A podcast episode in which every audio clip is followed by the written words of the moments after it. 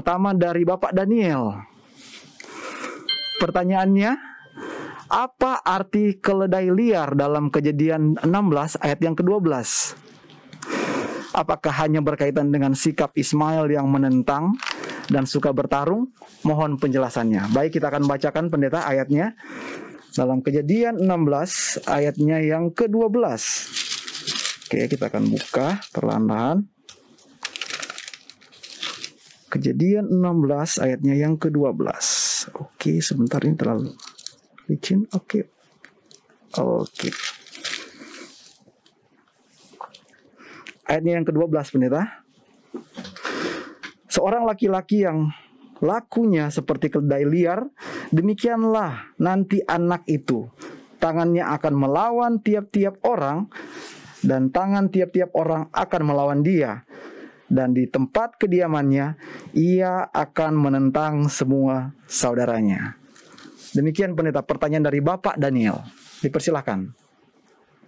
Terima kasih mengenai arti atau sikap dari uh, Ismail ini digambarkan dalam ayat ini sebagai keledai liar dan ayat 12 ini telah menjawab dengan sendirinya apa yang dimaksudkan dengan istilah keledai liar karena di bahagian uh, kedua dari ayat 12 ini dikatakan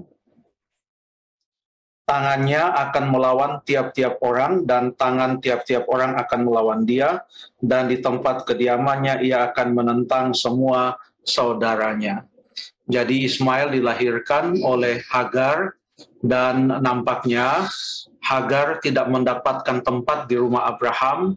Ceritanya cukup panjang. Abraham yang tidak sabar menanti jawaban terhadap janji Tuhan untuk mendapatkan seorang anak ia mengambil jalan pintas mengikuti anjuran istrinya, ia mengambil Hagar menjadi istrinya, lalu mendapatkan seorang anak. Dan uh, Ismail tidak disukai oleh Sarah. Demikian juga Hagar, keduanya, anak dan ibu tidak disukai oleh Sarah. Dan untuk itu beberapa kali Hagar ingin meninggalkan akan majikannya. Bahkan ada suatu saat kalau tidak salah di kejadian pasal yang ke-21 di mana ia melihat bahwa anaknya ini akan mati dan ia merasa sangat sedih sekali. Tapi Tuhan memberikan kepadanya suatu janji bahwa Ismail juga akan menjadi satu keturunan yang sangat besar. Bahkan ia digambarkan sebagai seekor keledai liar, artinya seorang yang kuat yang tidak dengan mudah ditundukkan oleh orang lain yang bisa melawan orang yang melawan dia.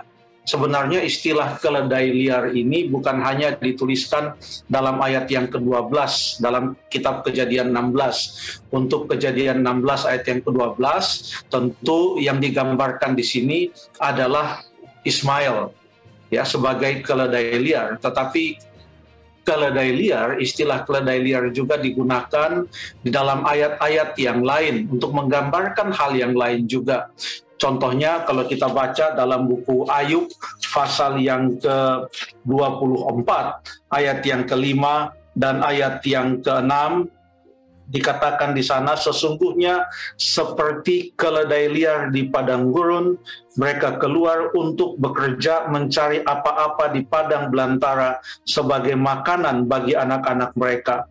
Di ladang mereka mengambil makanan hewan di kebun anggur milik orang fasik dipetiki buahnya yang ketinggalan yang menunjukkan bahwa mereka mempunyai kemampuan juga untuk bertahan hidup, mempunyai kekuatan juga untuk dapat berkembang dan untuk bertambah besar.